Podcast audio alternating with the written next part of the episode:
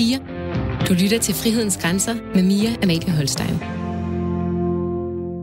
Medierne er fulde af historier om Trump og terror, om krig og klima, om ulighed og manglende EU-sammenhold.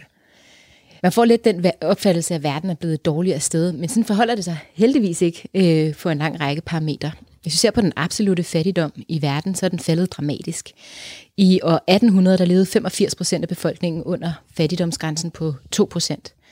Rigtig mange mennesker havde ikke mad nok. Mange mennesker gik sultne i seng, og mange børn måtte arbejde. I 1966 var tallet nede på 50 procent, der levede under fattigdomsgrænsen, og i 2017 var tallet 9 procent. Det er jo imponerende i sig selv, og mere imponerende, når man tænker over, at verdens befolkning vokser. Øhm, og alene, hvis vi ser på det de sidste 20 år, jamen så er millioner og er der millioner mennesker løftet ud af fattigdom. 270 millioner indere, 500 millioner kinesere, 35 millioner latinamerikanere. Men som påpeget af den svenske professor Hans Rosling, så er det, ikke, så er det væksten, ikke fordelingspolitikken, der løfter mennesker ud af fattigdom. Men for nogle lande, der ser det fortsat mindre godt ud. Det gælder for eksempel landene i Afrika. Her har vi trods årtiers udviklingsbestand øh, stadig øh, de lande tilbage, som Hans Rosling kaldte de syge og fattige. Det er her, vi finder landene med de laveste indkomster per indbygger. Det er her, vi finder de korteste, korteste forventede levetider. Og man må undre sig over, hvorfor vi efter så mange årtiers målrettet indsats har flyttet så lidt. Målet med det her program, øh, det er, at vi i den næste time skal blive klogere på de etiske dilemmaer, der knytter sig til udviklingsbistand. Hvad er vores etiske forpligtelse? Hvorfor giver vi udviklingsbistand? Og har udviklingsbistanden den forventede effekt? Mit navn er Mia Mette Holstein. Velkommen til Frihedens Grænser. Du lytter til Radio 4. Og med mig i dag, der har jeg inviteret to rigtig gode tænkere, nemlig øh, dig, Per Stig Møller, som er tidligere medlem af Folketinget, øh, blandt andet konservativ udenrigsminister fra 2001 til 2010. Velkommen. Og øh, med mig, der har jeg også Lars Møller, som er pensioneret oberst, tidligere chef for Herrens Kampskole og chef ved Forsvarskommandoen. Velkommen til dig også. Jo, tak. Jeg bliver nok nødt til at lige korrigere dig, altså fordi hvis jeg nu accepterer, at jeg har været tidligere chef for Forsvarskommandoen, så øh, står jeg til en ordentlig gang bøllebank øh, på et senere tidspunkt. Men, men skal vi ikke bare sige, at jeg har været chef for internationale operationer i Forsvarskommandoen? Godt, vi fik det på plads. Jeg kunne godt tænke mig at starte ud med en kort holdningsrunde. Øhm, den samlede udviklingsbistand var i 2020 det, der svarer til knap 17 milliarder kroner, eller 0,7 procent af vores bruttonationalindkomst. Lars Møller, giver Danmark nok i udviklingsbistand? Jamen, det, jeg, jeg synes, det er et spørgsmål, der ikke kan besvares. Fordi øh, det kommer an på, hvad man får ud af det.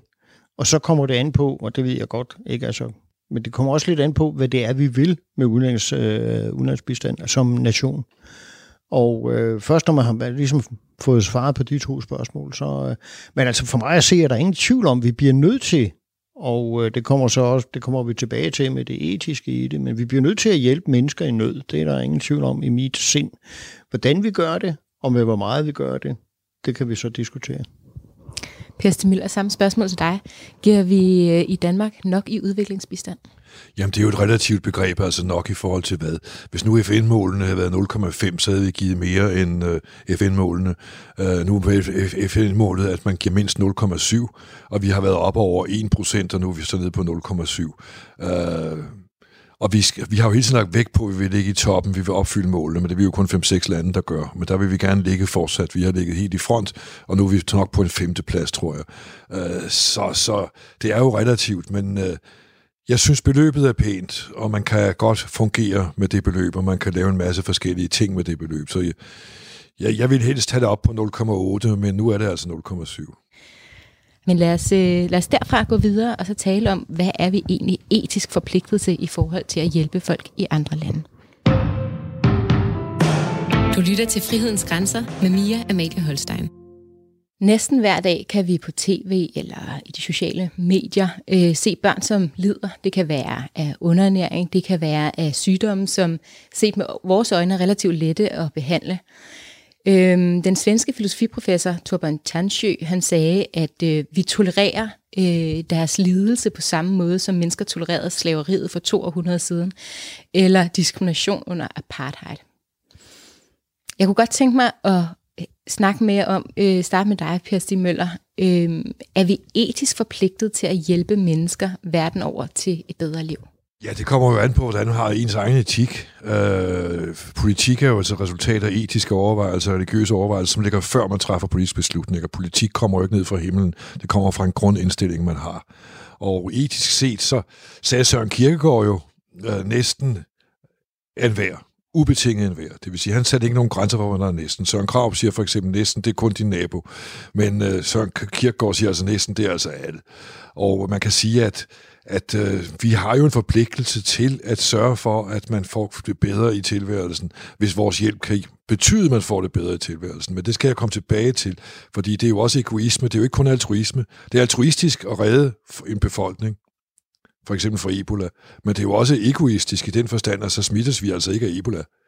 Det er altruistisk at bekæmpe fattigdommen, men det er jo altså også egoistisk, for det betyder, at du får skabt nogle mellemklasser, hvis det lykkes, som vil importere vores varer.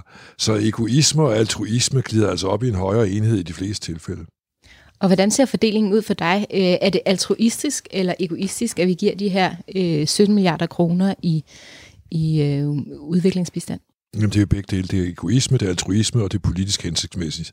Det er politisk hensigtsmæssigt, fordi du får skabt nogle allierede, som du i en given situation kan få glæde af. Og øh, jeg kan give et eksempel. Altså, vores store, kraftige ulandsbistand til Afrika gennem årtier, øh, det bliver opfattet som, som øh, bistandspolitik, altså hjælpe folk i nød. Men det har faktisk også politisk virkning. Fordi jeg har været i internationale forhandlinger, for eksempel, hvor man øh, havde det, der hedder Durban 2-forhandlingerne i 2009, hvis jeg må give et konkret eksempel. Og der ville den muslimske verden jo have et øh, forbud mod øh, kritik af islam, islamofobi, og de ville også have et forbud mod kritik af øh, profeten. Det vil sige, at det var indskrænkning af vores ytringsfrihed. Det var ikke acceptabelt for os, og mange mente, at vi skulle forlade forhandlingerne. Amerika forlod forhandlingerne. Der var også danskere, der ville have, at vi skulle forlade forhandlingerne. Hvor jeg sagde, nej, vi bliver. For hvis vi kan få det forhindret, at verden vedtager det, så er det jo bedre at blive. Det var der ikke nogen, der troede, jeg kunne. Så tog jeg til Afrika, og der var et møde i den afrikanske union for alle deres udenrigsministre, og der tog jeg ned. Der var de jo alle sammen samlet.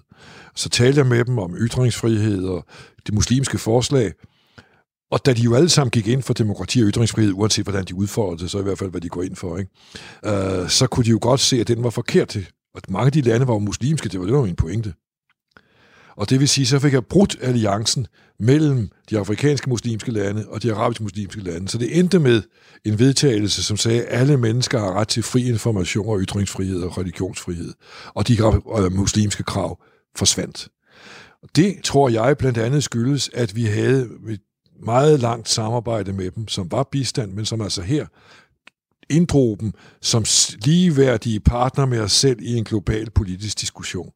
Øh, og jeg tror altså også, at, at vi øh, i Europa får brug for et meget tæt samarbejde med den afrikanske union for at blive stærkere globale spillere.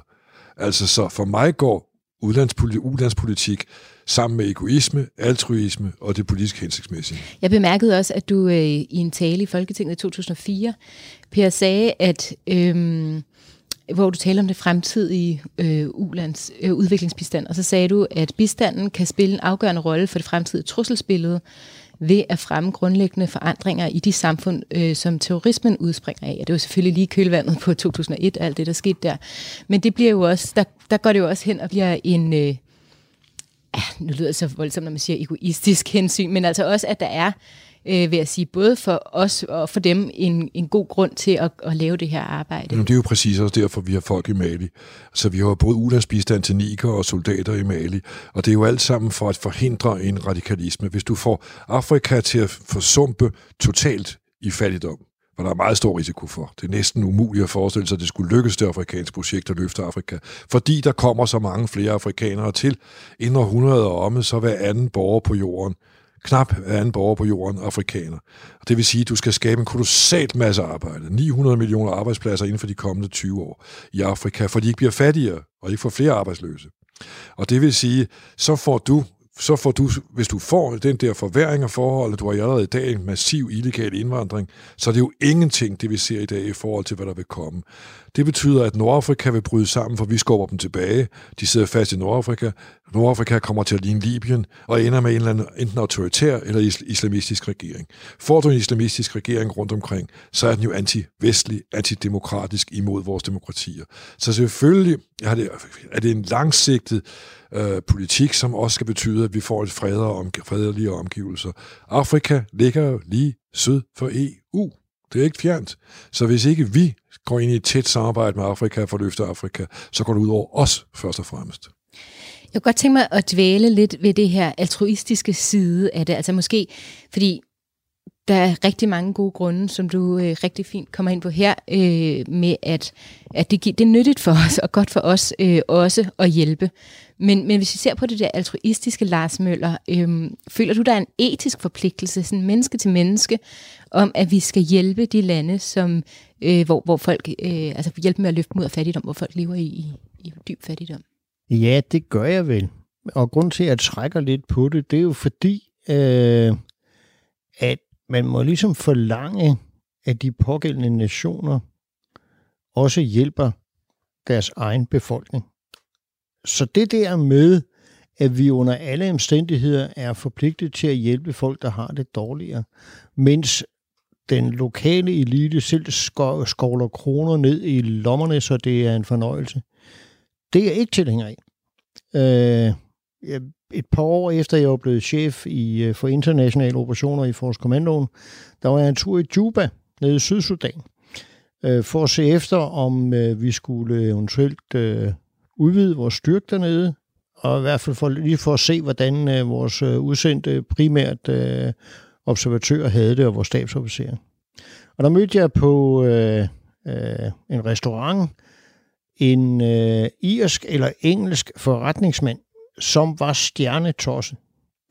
Fordi øh, øh, det her store øh, bryggeri, hvad fanden er det, det hedder, de laver det her mørke øl. Guinness, rigtig.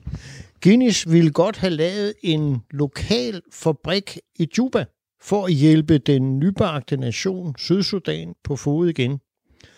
Og øh, det var en stor fabrik, der skulle have betjent hele det sydlige øh, Afrika med godt Guinnessøl. Og, for, eller, forhandlingerne var gået rigtig godt, indtil man kom så frem til på det tidspunkt, hvor øh, der skulle underskrives en kontrakt, så man kunne komme i gang med at bygge. Og jeg kan så ikke huske, om det var handels, indrigsministeren eller udenrigsministeren, eller hvem det var. Øh, men øh, så var der lige en enkelt lille ting, at øh, han ville bare lige have 10% af overskuddet, øh, af nettooverskuddet for den her fabrik, for ellers blev det ikke til noget. Og øh, der blev øh, de der forhandlingshold for Guinness, de blev stjernetosset, og så blev det ikke til noget. Og jeg mener, hvis det er med den på, så kan de, øh, selvom der er mange gode grunde til, at de ikke skal, de bliver nødt til at tage sig sammen og lade være at betragte politisk embede som værende en, øh, en, et middel til at kunne forsørge sig selv og deres venner. Og det kan vi ikke forstå herhjemme, og der er garanteret en hel masse ude omkring, der nu vil beskylde mig for at være racist eller et eller andet, og det er jeg ikke. Øh, men det her er sådan, som det fungerer. Øh, og derfor må man ligesom forlange, ja, vi har pligt til at hjælpe vores medmennesker, men de skal også hjælpe sig selv, og specielt kan magthaverne i det område, der sidder på flæsket, de skal sørge for at hjælpe deres egen befolkning. Det giver ingen mening, at vi er med til at støtte det, man så populært kalder den afghanske flåde. Og nu kan man så sidde og spekulere på, hvad, hvad er det, han snakker om? Den afghanske flåde. Ligger Afghanistan ikke inde midt i, øh, i, i det centrale Asien? Og svaret er jo, men den afghanske flåde består af de store lystjagter og luksusskibe, der ligger i Dubai og i Abu Dhabi, øh, og Jebel Ali, som er havnebyen til, Abu Dhabi, eller til, til Dubai. Og de er betalt og købt af afghanske embedsmænd, afghanske officerer, afghanske politikere, og det er en del af overskuddet for den ufattelig store hjælp, som er tilflyttet Afghanistan. Og det dur bare ikke. Så derfor ja, jeg mener, at vi skal være med til, vi har en etisk forpligtelse til at hjælpe vores medmennesker, men ja, vi skal ikke gøre det under alle omstændigheder, fordi det bliver nødt til øh, ligesom at starte på lokalt niveau. Per Stig Møller, hvad, øh, hvad, hvad tænker du om det? Altså det jeg, det, jeg hører Lars Møller sige, det er jo blandt andet, at vi har, de har slet ikke institutionerne til at Altså, øh, fordi der er så meget korruption og alle mulige andre ting, så, så, så øh, kan, kan vi risikere, at de her penge, vi giver, slet ikke har nogen effekt. Ja, det kan man da i høj grad. Altså, vi kan da tage mange eksempler på, at det ikke har nogen effekt. Altså, de er jo også blevet bistandsjunkies, altså, hvor man ikke ser man ser faktisk ikke den store fordel, som man havde ventet, for eksempel som man taler om Tanzania. Prøv at tænke på, at de har simpelthen levet af bistand og bistand og bistand siden deres første præsident, som blev hamrende populær i den vestlige verden, han kaldte sig socialist. Og, øh, og der væltede ned med penge, men du så jo ikke nogen resultater. Og derfor skal der stilles krav. Et af de krav, der skal stilles, og som jeg også bliver stillet, det er altså korruption. Det er forbudt. Hvis man vil have noget at gøre med os i samarbejdet, så er der ikke nogen korruption, og derfor reaktionen fra Guinness var jo også den, der er øh, den europæiske reaktion, fordi også fordi hvis danske firmaer det vil sige også hvis Udenrigsministeriet, skulle gå hen og levere korruption i forbindelse med en øh, opgave, jamen så er det jo straf. Det er jo strafpålagt i Danmark. Og det andet der med, at de skal også selv være villige, det er jeg fuldstændig enig i. Jeg kan give et eksempel fra min egen virke i politik. Det var før jeg blev minister. Øh, der gik jeg ind for, at vi skulle stoppe den evige ulandsbistand til Indien, som jo også var Tanzania og Indien var jo de to store favoritlande siden 50'erne. Og hvorfor ville jeg stoppe stoppet øh, hjælpen til Indien? Det var, fordi der er jo en kolossal masse rigdom i Indien. Der er en kæmpe øh, overklasse og rimelig rig middelklasse det er jo en omfordelingspolitik, de selv må lave. Vi, kunne da, vi skal da ikke overtage deres sociale forpligtelser, når de selv er i stand til det. Øh, Daliterne, dem vil jeg gerne hjælpe, de, fordi de bliver altså ikke hjulpet. Men den almindelige hjælp bliver så derefter også stanset, fordi man skal også tvinge dem til selv at tage den sociale opgave på sig. Og det gør de jo ikke hvis de bare får væltet pengene ind fra vores side, fordi vi skal hjælpe de fattigste. Ja, det skal vi, men de skal jo også selv gøre det. Og det kan vi, må vi jo så gøre med, med forhandlinger med dem, og hvis ikke de lykkes, må vi ændre vores bevilling og flytte den. Jeg kunne godt tænke mig lige at øh, stille jer den udfordring, som øh, filosofen Peter Singer øh, stillede på et tidspunkt. Han sagde, forestil dig, at du en morgen på vej til arbejde opdager, at der er et barn, der er faldet i en sø og er ved at drukne. Det er rigtig let for dig at redde det her barn. Du skal bare hente det ind, men det betyder altså, at dit tøj bliver vådt og mudret, og du kommer sikkert for sent på arbejde. Men alt i alt, sagde han, så tror han, at der er rigtig, rigtig mange mennesker, der mener, at man faktisk er forpligtet til at redde det her drukne barn. Men dernæst så spørger han, gør det en forskel, hvis øh, barnet dør i et land meget langt væk øh, af noget, som er lige så farligt som at drukne, men noget andet, det kunne være sult, øh, og du let kan redde det uden store omkostninger øh, for dig selv. Altså det vil sige, har nationalitet og fysisk distance en moralsk betydning i den her situation? Lars Møller. Jamen det er der ingen tvivl om, det har. Øh, men hvis man nu skulle tage det, den gode singers eksempel, så vil jeg jo ligesom forvente, at dem, der er tættest, redder barnet. Altså dem, der bor omkring den her sø, hopper ud og redder det her barn. Det er ikke mig, der skal komme kørende i en bil 12.000 km væk, hoppe ud og redde barnet, fordi der er ligesom folk i nærheden, der kan gøre det her. Og så er vi tilbage igen i det, i det samme, nemlig der må være et eller andet form for, øh, for forventning om, at der er ikke nogen, der lever i ufattelig luksus. Der er ikke nogen, øh, eller de bruger, øh, hvis de, man bruger halvdelen af statsbudgettet på at opretholde et magtapparat, som der ikke er betinget i ydre trusler, men som i betingelsen er, at det skal holde egen magt ved lige, jamen øh, så bliver jeg nødt til at sige, at, at øh, det bliver de nødt til at ændre. Omvendt vil jeg så også sige, at, at øh, da vi nu har råd til det her, så skal vi selvfølgelig hjælpe dem, der virkelig lider nød, også selvom de lokale magtherrer ikke vil. Men det har vi heldigvis en FN-organisation til.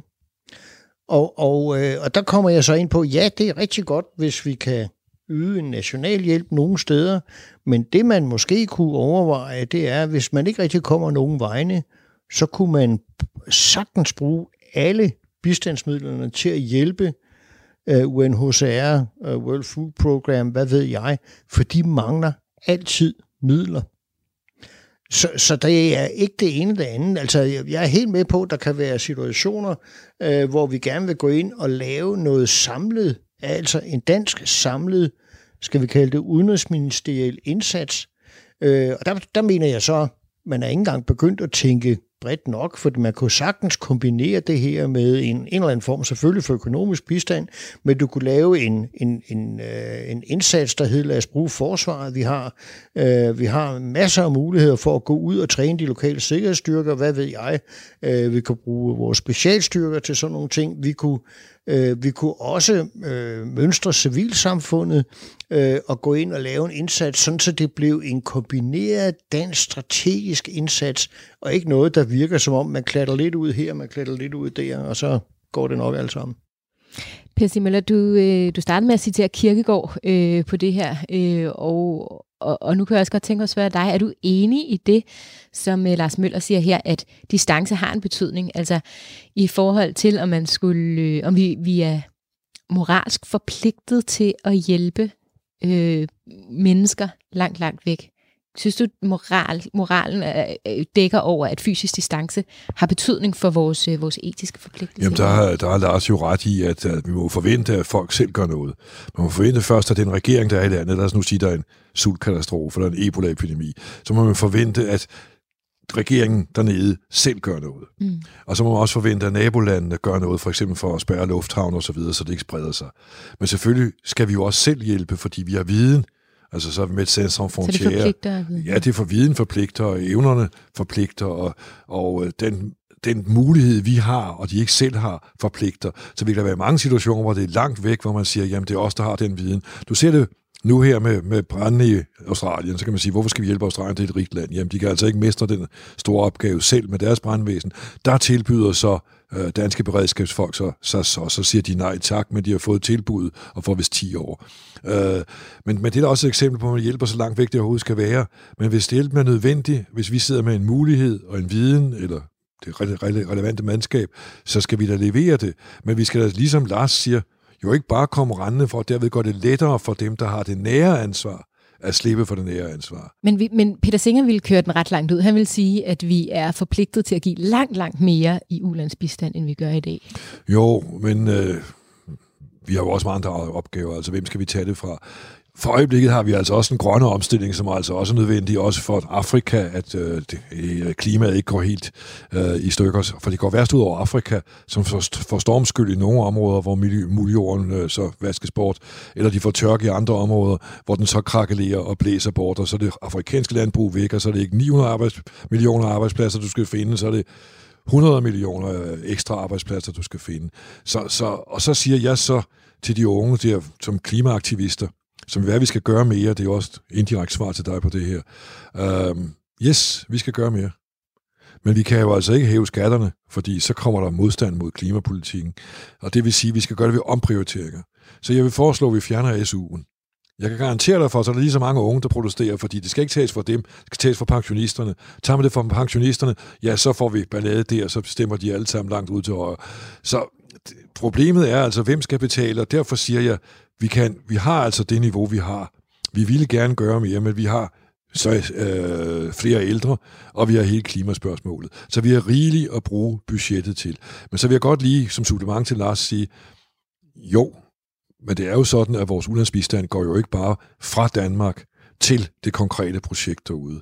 Øh, halvdelen går jo gennem de internationale organisationer, og så får vi ikke ret meget øh, soft power ud af det. Altså, jeg har rejst rundt i verden og set store øh, skilte over, hvem der har givet bistand til det og det område. For eksempel i Myanmar, hvor vi havde givet øh, bistand. Vi har gjort det via EU. Så er der en masse navne og våbenskjold for forskellige lande, nationale symboler, og det var en meget fremragende indsats, der var lavet i forbindelse med en sø. Og der er jo en masse lande. Der er også Norge. Danmark var der ikke. Danmark var der ikke. Så siger jeg til vores medarbejdere, altså, I skal da sørge for at få Danmark op. Jamen det kunne vi ikke, fordi vores hjælp gik gennem EU. Så EU var der, men Danmark var der ikke. Og det vil sige, at vi giver så mange penge gennem organisationer, så modtagerne ikke aner, at vi har givet.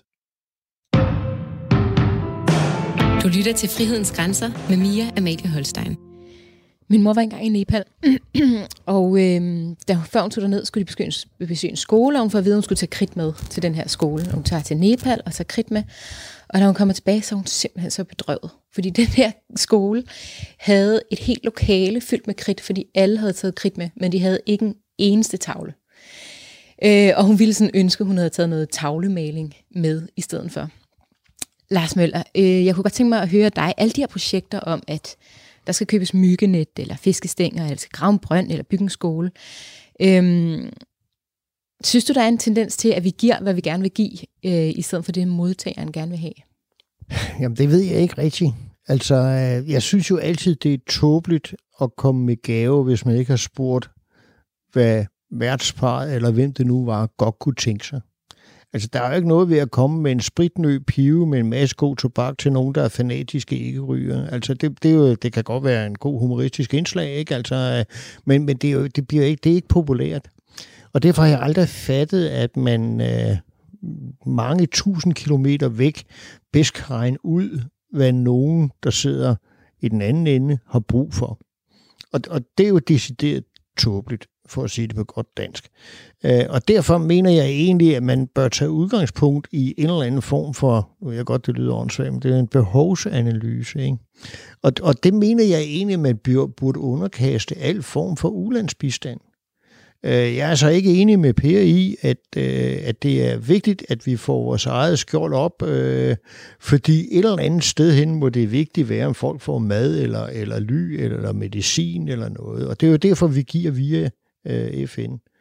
Når jeg så har sagt det, så bliver jeg også nødt til bare at sige, at, at jeg har været rigtig mange steder henne i embedsmedfører, og nogle gange er jeg blevet overrasket, jeg er blevet glad, og jeg er også blevet stolt af Danmark, hvor man kommer et eller andet sted hen nede i Ghana, eller i øh, øh, Mogadishu, eller, eller, eller øh, ja, i Juba, øh, hvor der pludselig kommer nogen frem og takker, når de ser det danske øh, det Dannebro på, øh, på, på ens uniform.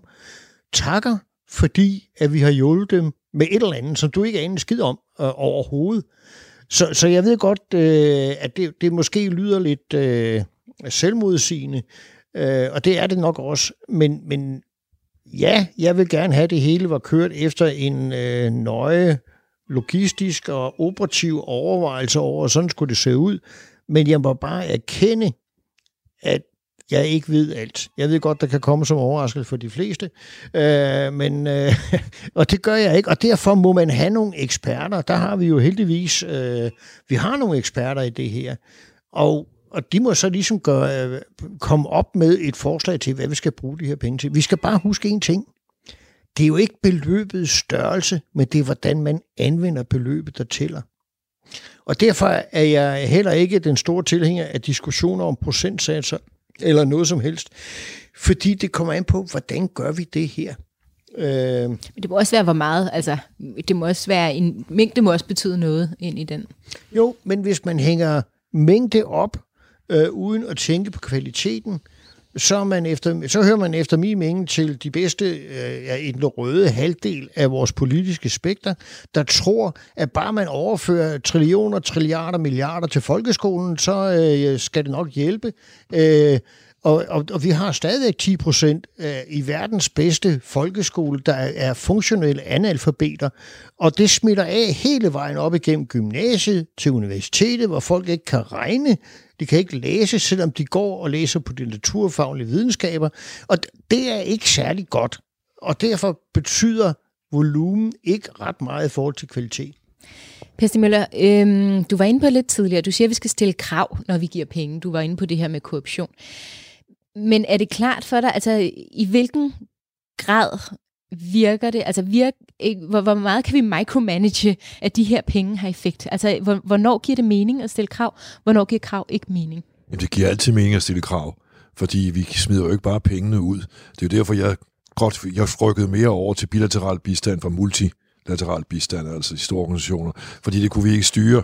Der kan du ikke stille de danske krav, der kan du ikke styre det.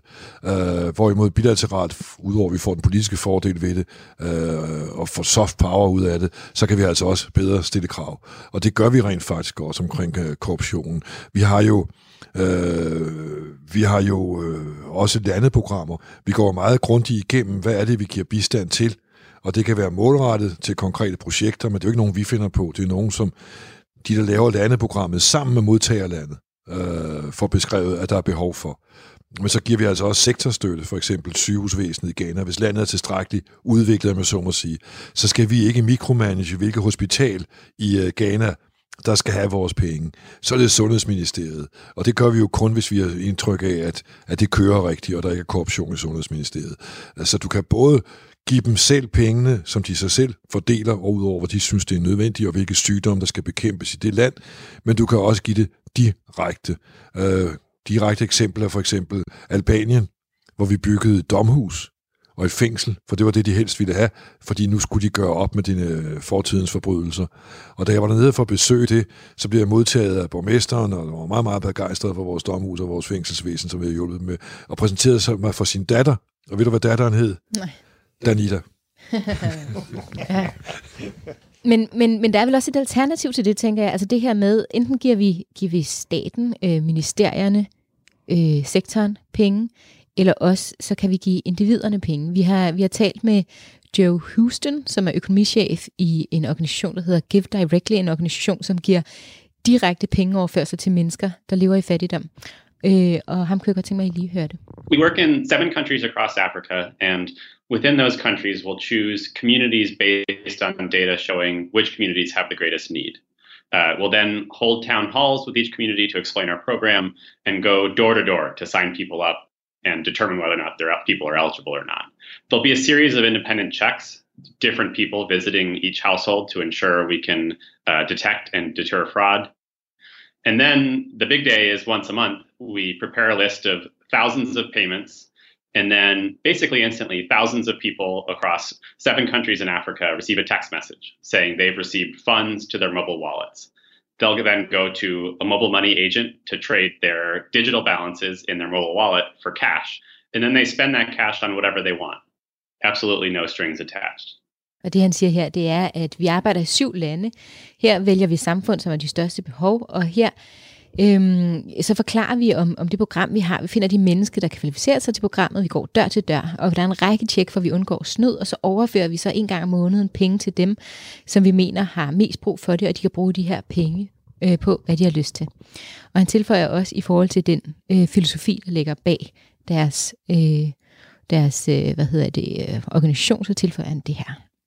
The basic philosophy is that people living in poverty should have more control over the aid and philanthropy budgets that are supposed to help them. Uh, in fact, there's over 100 rigorous studies on the effects of cash transfers that back the quality of the decision making of poor people. Traditional aid too often starts with a kind of assumption that the people we want to help can't be trusted. Um, and my hope with Give Directly is that, and cash transfers in general, is that uh, it's a more empathetic approach. Det Joe Huston siger her, det er, at øh, filosofien bag organisationen er, at mennesker, øh, som lever i fattigdom, skal have mere kontrol over hjælpen og den filantropi, som, som burde hjælpe dem. Øh, det er faktisk øh, over 100 øh, grundige studier af effekten fra pengeoverførsel, som støtter øh, kvaliteten af beslutninger truffet af mennesker, der lever i fattigdom. Og han siger, at i forhold til traditionel bistand, som tager udgangspunkt i, at vi ikke kan stole på mennesker, øh, vi gerne vil hjælpe, så er hans syn på Give Directly øh, og pengeoverførsler i det hele taget, at det her det er en mere empatisk tilgang. Jeg kan godt tænke mig at starte med dig, Lars Møller. Øh, hvad tænker du omkring det her øh, med, i stedet for måske at give penge til øh, korrupte regimer osv., at man kan give pengene direkte til de mennesker, som øh, står med et konkret behov, og for at få dem til at bruge pengene, hvor at de mener, de skal bruges bedst. Der er jeg igen ambivalent, og det, det er jo problemet ved det her, er jo, at det er meget svært at være sort-hvid i det her, medmindre man kun har en masse holdninger og ingen viden. Mm-hmm. Øh, og det er jo ikke altid en god kombination. Øh, mit problem her er, at øh, hvis man gjorde det på en anden måde, kunne man måske få mere ud af det.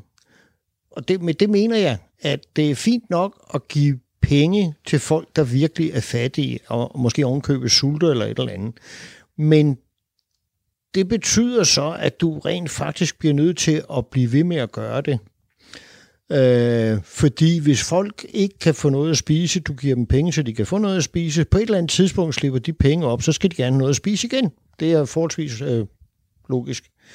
Man kan også gøre det på en anden måde man kunne gøre det sådan, så hvis de mennesker, der fik penge til mad, eller hvad de nu skulle bruge det til, i stedet for at købe en symaskine, eller et hønsehus, øh, og begyndte at lave en produktion med at kunne sy, så de kunne ligesom øh, at de ligesom kunne brødføde sig selv, og måske også med lidt tid brødføde andre i forbindelse med den småvirksomhed, de kunne starte op her, så er vi måske inde på noget, der lyder lidt mere fornuftigt. Ja, det er jo håbet, at, altså, at de selvfølgelig bruger penge. Kom ind konkret der. Altså, det er jo præcis også, hvad vi gør. Altså, i Malawi for eksempel, der hjalp vi jo til, at I kunne holde høns i en øh, mindre landsby. Og øh, det betyder præcis det, som Lars siger, at der fik de så, de havde ikke råd til at købe høns, så nu fik de høns, så fik de æg, så fik de også høns hønsekød, med så må sige, så kunne de begynde at øh, tjene penge. Det er faktisk en metode, der er faktisk rigtig god. Øh, vi har også gjort det med mikrokreditter. Øh, en for fattige, øh, fattige bønder eller fa- familier, de får mulighed for at låne et småbeløb, og så får de råd, som de ellers ikke har, har mulighed for at skaffe sig, så får de råd til øh, kvæg, et stykke kvæg, så kan de pløje jorden, så kan de begynde at så noget, så kan de begynde at tjene penge. Det skal ikke er, det skal ikke i godsøjne. Når man så tager ned og ser på projekterne, så er det jo aldrig mændene, der står bag, går bag oksen. Det er kvinder. Det er altid kvinderne, der går ind i de mikrokreditter. Uh, vi kan også hjælpe dem at for eksempel bygge en brønd. Men så er det jo rigtigt, så skal den også vedligeholdes. Så kan vi lov at blive, lad mig lige gøre det færdigt, så kan vi lov at blive der hele tiden. Der har vi et eksempel fra Bolivia. Jo, men så siger vi altså, nu hjælper vi med den her brønd, nu skal I selv vedligeholde den. Det projekt, jeg så, så har de så indført, at der skal betales for at få lov at hive vand op et eller andet mikrobeløb. Det er kvinderne, der bestyrer det. Det er kvinderne, der administrerer det. Og det vil sige, at der kommer penge ind fra dem selv til at vedligeholde brønden, så vi ikke skal blive ved, for ellers kunne vi komme igen om tre år, og så skulle vi bygge en ny brønd. De gør det selv, fordi de for det første de får hjælp til at få lavet den, men så skal de selv vedligeholde den og lave et system, og det er igen kvinderne. Det er altid kvinderne, der har styr på den slags ting. Så vi går jo ind og sørger for, at det er altså hjælp til selvhjælp. En anden ting, jeg godt vil komme ind på her, det er, at du kan jo også fremme beskæftigelsen. Det har taget mange, mange år før dansk ulandsbistand også indført det, der hedder business to business. Og det betyder altså, at du får hjælp, en dansk virksomhed, som vil arbejde med en afrikansk virksomhed, kan få støtte. Vi har også haft Industrialiseringsfonden for ulande, og det betyder, at der kan komme arbejde. Jeg har hele tiden synes, at danske virksomheder, som lægger arbejde, fabriksarbejde, gulvarbejde ud til Asien, hvor det bliver dyrere og dyrere med arbejdslønningerne selvfølgelig. Hvorfor lægger de dem ikke til Afrika? Det er tættere på, det er samme tidszone, så siger de, der er ikke kvalificeret folk nok. Jamen det er der jo ikke, fordi de ikke får arbejdstræning. Så hvis man laver business to business, kan vi altså også begynde at beskæftige flere dernede. Det er også konkret, men det hjælper dem jo. Danmark får en dansk virksomhed, får en partner i Afrika, som får noget mere arbejde, som betyder, at der kommer nogle indtægter i landsbyen, i samfundet, og som betyder, at der kan komme noget mere social eller undervisningsarbejde. Jeg så det i Mozambique. Der var en dansk kvinde, som sagde, der er en kolossal masse bær herude. Kolossal masse bær herude. Men der er ingen, der plukker, ja det er der nok, de plukker dem til deres eget behov, men der er ingen, der sørger for, at de kan begynde at sælge alt de overskud og bær, de har. Fandt hun ud af at lave en syltøjsfabrik. Det vil sige, at den landsby samler nu alle de bær sammen, de kan. De tager med ind til øh, syltøjsfabrikken, hvor de selv bearbejder det, og så sælges det blandt andet i Danmark. Og det vil sige, hvad der før gik til spilde, fordi der kommer en begavet dansk kvinde derned og opdager det, bliver pludselig til en syltøjsfabrik, som eksporterer til verden. Det synes jeg er en ret fantastisk øh, eksempel, du har der. Altså det her med, at man står i det konkrete og siger, at det, der er brug for lige her, det er en syltetøjsfabrik for eksempel. Men, men med det her, når, når øh, med at få høns eller andet, der kan jeg godt nogle gange blive lidt nervøs for, når vi kommer fra Danmark, at vi laver sådan en picking the winners i forhold til at lade, lade dem, der står i situationen, vælge, hvad er det for en metode, vi tror er bedst at arbejde os ud af den fattigdomsknibe, vi sidder i. Øhm, mest fordi at den her picking the winner-strategi nemt kan blive sådan en picking the losers, altså at vi, vi på en eller anden måde får stillet krav om, at det er simpelthen med fiskestang, at du skal øh, komme ud af fattigdom, hvor det måske er, er noget andet, der vil være smart, og der, der er ikke det her ejerskab. Hvad tænker du omkring det, Per Jamen, jeg vil godt bruge det eksempel med fiskestang. Det har jeg selv brugt meget tit, for man siger altid, vil du, vil du bekæmpe sulten, så skal du altså give manden en fiskestang, så du ikke bare komme med fisk til ham, giver ham en fiskestang, så kan han fange fisken. Men der får jeg til, ja, man giver ham mulighed for at sælge de overskydende fisk fordi øh, det kræver frihandel. Og der er meget store begrænsninger, således du ikke har frihandel. Så hvis Afrika virkelig skal komme ud af fattigdommen, så er der altså ikke nok, at de least developed countries har frihandel. Så skal der meget mere frihandel til. Fordi ellers sker der bare til, at han får fiskestangen, han kan klare dagen og vejen, men han kan ikke blive rigere, tjene penge til sin familie, overskud, skat, samfund, social uddannelsespolitik. Øh, men indfør det. Og hvad sker der så? En række erhverv i Europa vil protestere, fordi de pludselig får konkurrence fra Afrika. Du lytter til Frihedens Grænser med Mia Amalie Holstein. Vi har ydet ulandsbistand siden 1960'erne. Ifølge den svenske professor Hans Roslings tal, jamen så er landene i Afrika stadig blandt de syge og de fattige. Jeg kunne rigtig godt tænke mig at høre jeres holdning til, om der skabes nok for værdi for de penge, vi bruger på udviklingsbistand. Og til at starte debatten, der vil jeg gerne afspille et klip. Først med øh, professor Finn Tarp fra Københavns Universitet, bagefter med professor emeritus Martin Paldom fra Aarhus Universitet, som har været deres syn på netop det spørgsmål. Det, der så er sket i de sidste, skal vi sige, godt 10 år, det er, at der har faktisk været en meget sti- øh, høj grad af konvergens hen imod, nej, vi må på basis af det eksisterende materiale sige, at det virker. Øh, det virker i hvert fald på investeringerne, det virker i hvert fald på opsparingen, og det er faktisk også sådan, at alt tyder på, at det virker til at forbedre institutioner. Det vi så kan skændes om, det er så, hvor godt det virker, øh, om investeringen, hvis man skal kigge på det som en investering, den giver et fornuftigt afkast, og hvordan man kunne gøre det bedre. Men sådan den der øh, generelle overordnede, at det virker ikke, den er der ikke ret mange, der vil, øh, hvad hedder sådan noget, på basis af den seriøse forskning, stille sig op og forsvare. Øh, men det er helt rigtigt, at selvfølgelig er der ligesom på alle mulige andre områder med øh, diskussion af offentlige investeringer og brug af offentlige penge osv., så er der selvfølgelig diskussion om, om man kan gøre det bedre, hvad der virker, og hvad der virker mindre godt. Og det var så øh, Finn Tarp fra Københavns Universitet, som er øh, den mest positive af, af, af de to i den forstand, at han siger, at vi, har, vi ved altså, at der er nogle interventioner, øh, der virker på investeringer, opsparing og øh, på at forbedre institutioner. Øh, men der er en akademisk debat på det her område, derfor har vi valgt også at tale med øh, professor emeritus Martin Paldom fra Aarhus Universitet. Altså, du kan jo, altså alle videnskabelige resultater har en vis usikkerhed. Men, øh, men, øh, men, men, men det er noget, man har forsket rigtig meget i. Så derfor så kan man sige, at usikkerheden er efterhånden blevet ret lille. Det har ikke fungeret særlig godt i fortiden, det må man desværre sige. Øh, men nu skifter de jo hele tiden målsætning, og det gør det vanskeligt at finde ud af, hvad, det egentlig, hvad, hvad meningen egentlig er. Fordi hvis man tager i gamle dage, så var ideen ganske enkelt, at vi ville hjælpe de fattige lande til at blive udviklet, sådan at de, at de ligesom øh, kunne klare sig selv. Ligesom os. Det var ideen. Og det er der desværre ikke meget, der tyder på at lykkes. Nu har man fundet en hel masse andre målsætninger. Og øh, en af målsætningerne, det er at styrke civilsamfundet når man kigger på den målsætning, så er det jo altså meget vanskeligt at finde ud af helt nøjagtigt, hvordan skal man se, om det er lykkedes eller ej. Så det er ligesom blevet vældig problematisk at undersøge, om det virker eller ikke virker. Men i hvert fald så kan man jo nok se, at det har ikke ændret korruptionen, og det har heller ikke ændret øh, demokratiet. Så det er altså ikke så nemt at lave de her ting ude i verden, som vi ville ønske det var.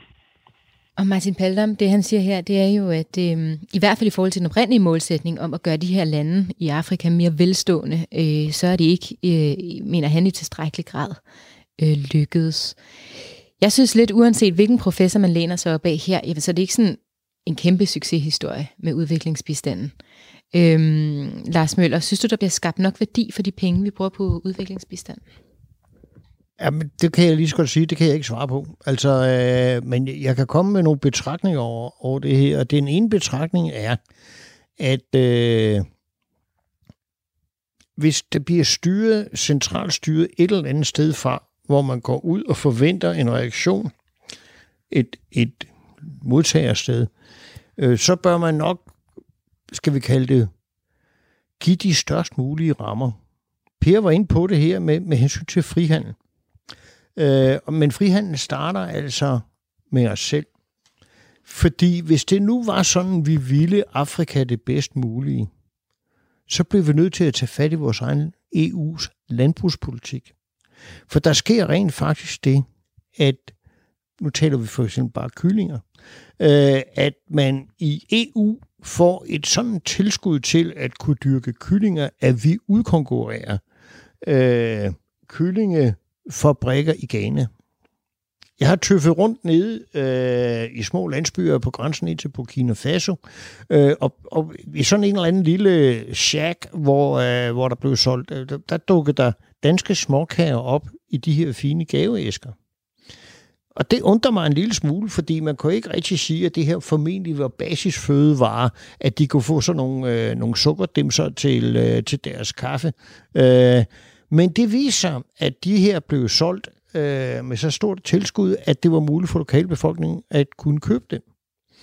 Og de havde nogle forfærdelige historier om, at de havde egentlig startet en kyllingproduktion sådan og sådan, men blev udkonkurreret øh, af EU-kyllinger.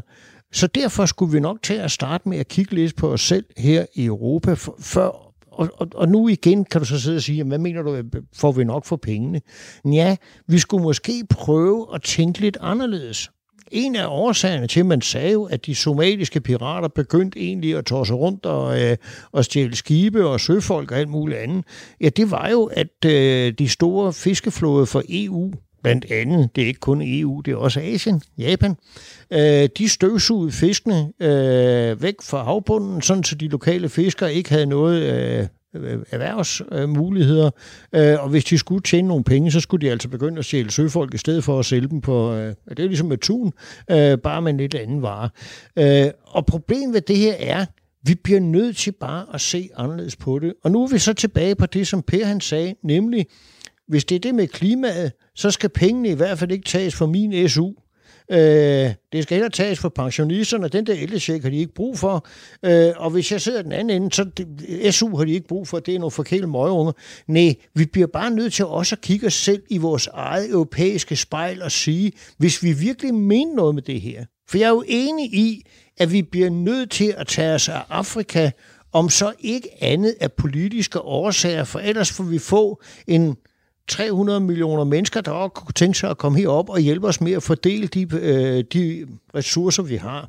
Hvis vi ikke gør det her, og gør det på en drastisk måde, så vi tænker nyt, så når vi ingen steder. For alt det her sniksnak om, øh, om små lokale ting, om en øh, kyllingfabrik man her, det er alle steder. Nej, vi skal tage fat i rammerne, sådan så de får en ærlig chance for at kunne deltage i den internationale frihandel, for det er politisk den eneste mulighed for, at man kan få vækst i det pågældende område.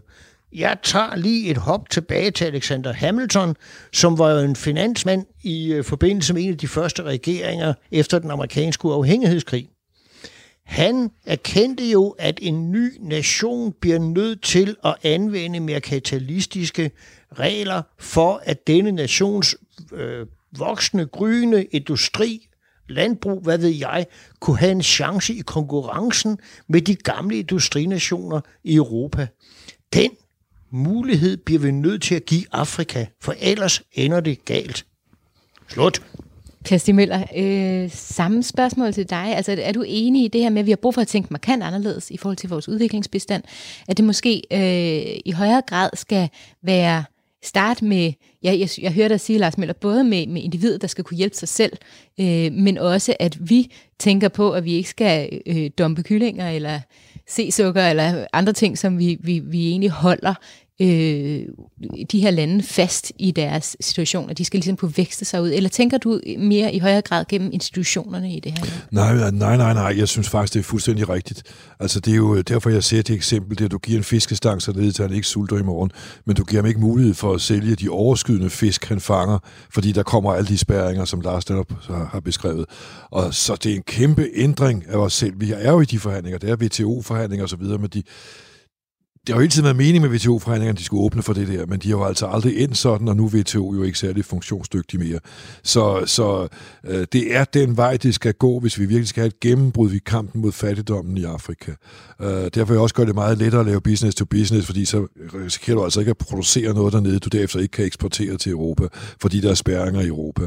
Så det er jo, det er jo vejen frem, og så skal man heller ikke lave, lave unfair konkurrence. Jeg var engang inviteret Røde Kors ned til Etiopien, og så ville øh, Røde Kors, direktør ude i en landsby, øh, direktør, generaldirektør, eller hvad han nu hedder, generalsekretær, så ville han vise mig en succeshistorie, som var et apotek. Og det var jo lavet med penge fra Røde Kors, og de var meget stolte af det. Så siger jeg, øh, og der får de kondomerne gratis. Så siger jeg, jamen var der ikke noget apotek i byen? Jo, jo, der lå et over for, men det går ned. Hvorfor det gået ned? Ja, fordi øh, der det overtog de øh, nogle penge for kondomet, ikke? Altså, apotekerne skulle jo leve af det. Men her fik de det gratis. Jo, men det var jo faktisk ikke metoden, sagde jeg så til Røde Kors. I rykker ned der, og så gør I en apoteker arbejdsløs.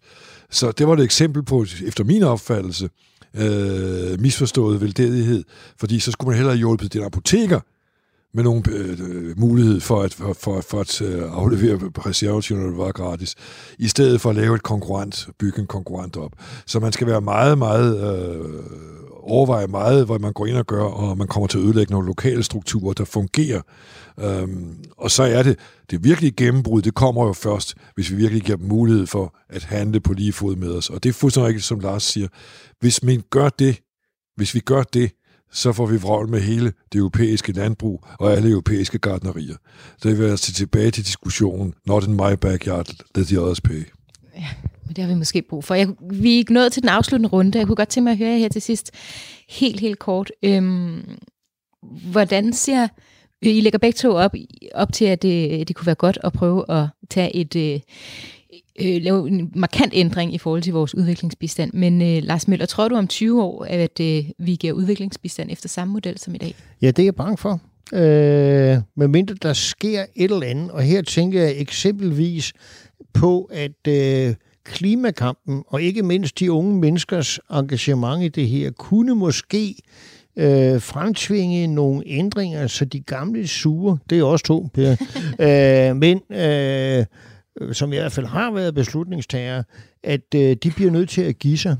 Fordi ulandsbistand i min optik er også noget med skal vi kalde det grøn omstilling og ting og sager. Det er jo totalt vanvittigt, at vi i Danmark tror, at vi kan skabe sådan en eller anden form for forureningsfri øh, zone over vores syndige hoveder. Det minder meget om den her venstre plakat i den, under den kolde krig, hvor man kunne øh, have sådan et stykke af fire øh, papir med en rund cirkel på, og så det var ens egen lille private atomvåbenfri zone, som man bare skulle holde op over hovedet, så skulle det nok virke. Det dur jo ikke, fordi det er jo sådan, at vi ikke får en ren frisk boble af ren luft over Danmark, selvom vi indfører de mest drakoniske øh, måder at begrænse vores udslip på. Vi bliver nødt til at hjælpe, og derfor er det ikke særlig svært at gå ud, måske at omlægge ulandsbistanden til eksempelvis som et led i den grønne omstilling. Men vi bliver nødt til at give dem en chance for at kunne lave frihandel med os på, øh, øh, ja, på færre vilkår. Og det tror jeg ikke, vi øh, får taget os sammen til, med mindre den her undtagelse træder ind. Per Stig Møller, samme spørgsmål til dig. Tror du, at vi om 20 år giver udviklingsbistand efter samme model som i dag? Nej, nok ikke efter samme model om 20 år. Der er jo også en masse andre ting, der man bruger øh, pengene på. Men det hele kommer jo an på, hele kommer jo an på udviklingen i Afrika. Det kan være, at den skal være meget større. Det kan være, at hele systemet er lavet om, sådan som vi har siddet og snakket om her. Øh, så du ikke kan tælle den samme ulandsbistand, men forpligtelsen, også for vores egen skyld, til at bekæmpe fattigdommen og give udviklingsmuligheder og politiske og økonomiske muligheder til Afrika. Det er helt nødvendigt. Det vil hjælpe dem, men det vil også hjælpe os. Men der kommer så det sidste problem ganske kort. Hvis vi så får lavet en mellemklasse, som begynder, og så siger vi jo, så køber de vores varer, det er det, vi skal leve af, der vi hjælper en mellemklasse frem i Afrika, og normalt vil de jo så købe vores højere forfinede varer. Ved du hvad, Amalie? De køber asiatiske produkter. Jeg synes, det har været en fantastisk spændende debat. Øhm, jeg startede med at indlede med Hans Rosling, som sagde, at det er væksten, ikke fordelingspolitikken, som udrydder fattigdom. Jeg er rigtig glad for, at du bragte Hamilton og merkantilismen ind. Øh, det her med, at vi måske har brug for at tage fat om, øh, om Nellens råd. Vi har brug for at tage et opgør med den måde, vi laver udviklingsbistand på i dag. Øhm, fordi vi har stadigvæk lande, primært i Afrika, men altså også krigsramte lande som Afghanistan osv., som er de syge, som de fattige, som, som Rosling også var inde og, og pege på. Øhm, væksten har endnu ikke løftet mod fattigdom, og udviklingshjælpen heller ikke, som øhm, Martin Paldam øh, blandt andre har påpeget. Det er så ret klart for mig, at vi føler en eller anden form for etisk forpligtelse over for de her mennesker. Den aftager med distancen, og vi så egentlig helst, øh, at man hjælper i nærområdet. Øhm, Per Stig Møller, jeg bemærker, at du sagde det her med, at øh, vi gør det, den her ulandsbestand, både fordi vi er altruistiske, men også fordi vi er egoistiske. Vi skal selvfølgelig tænke på, øh, det glider sammen, øh, det her, og vi skal tænke på, hvordan det politisk. Vi kan, vi kan hjælpe nogen til at blive mindre korrupte, men også i forhold til, at vi ikke får lavet sådan nogle terrorredder eller, eller andet. Med mig for den her debat, der vil jeg i hvert fald tage øh, en tvivl om, om vi altid er dygtige nok til at at hjælpe Afrika. Jeg er selv ret inspireret af den her øh, måde at give direkte penge på, som vi hørte, øh, hørte om tidligere, hvor man giver penge direkte til individer frem for at øh, komme til at give dem i store projekter sammen med korrupte regimer, hvor pengene ender steder, hvor vi ikke måske så dem øh, inden henne. Men med det vil jeg sige, øh, tidligere udenrigsminister Per Stig Møller og øh, pensioneret oberst Lars Møller, tusind tak, fordi I kom og delte jeres tanker med os i dag.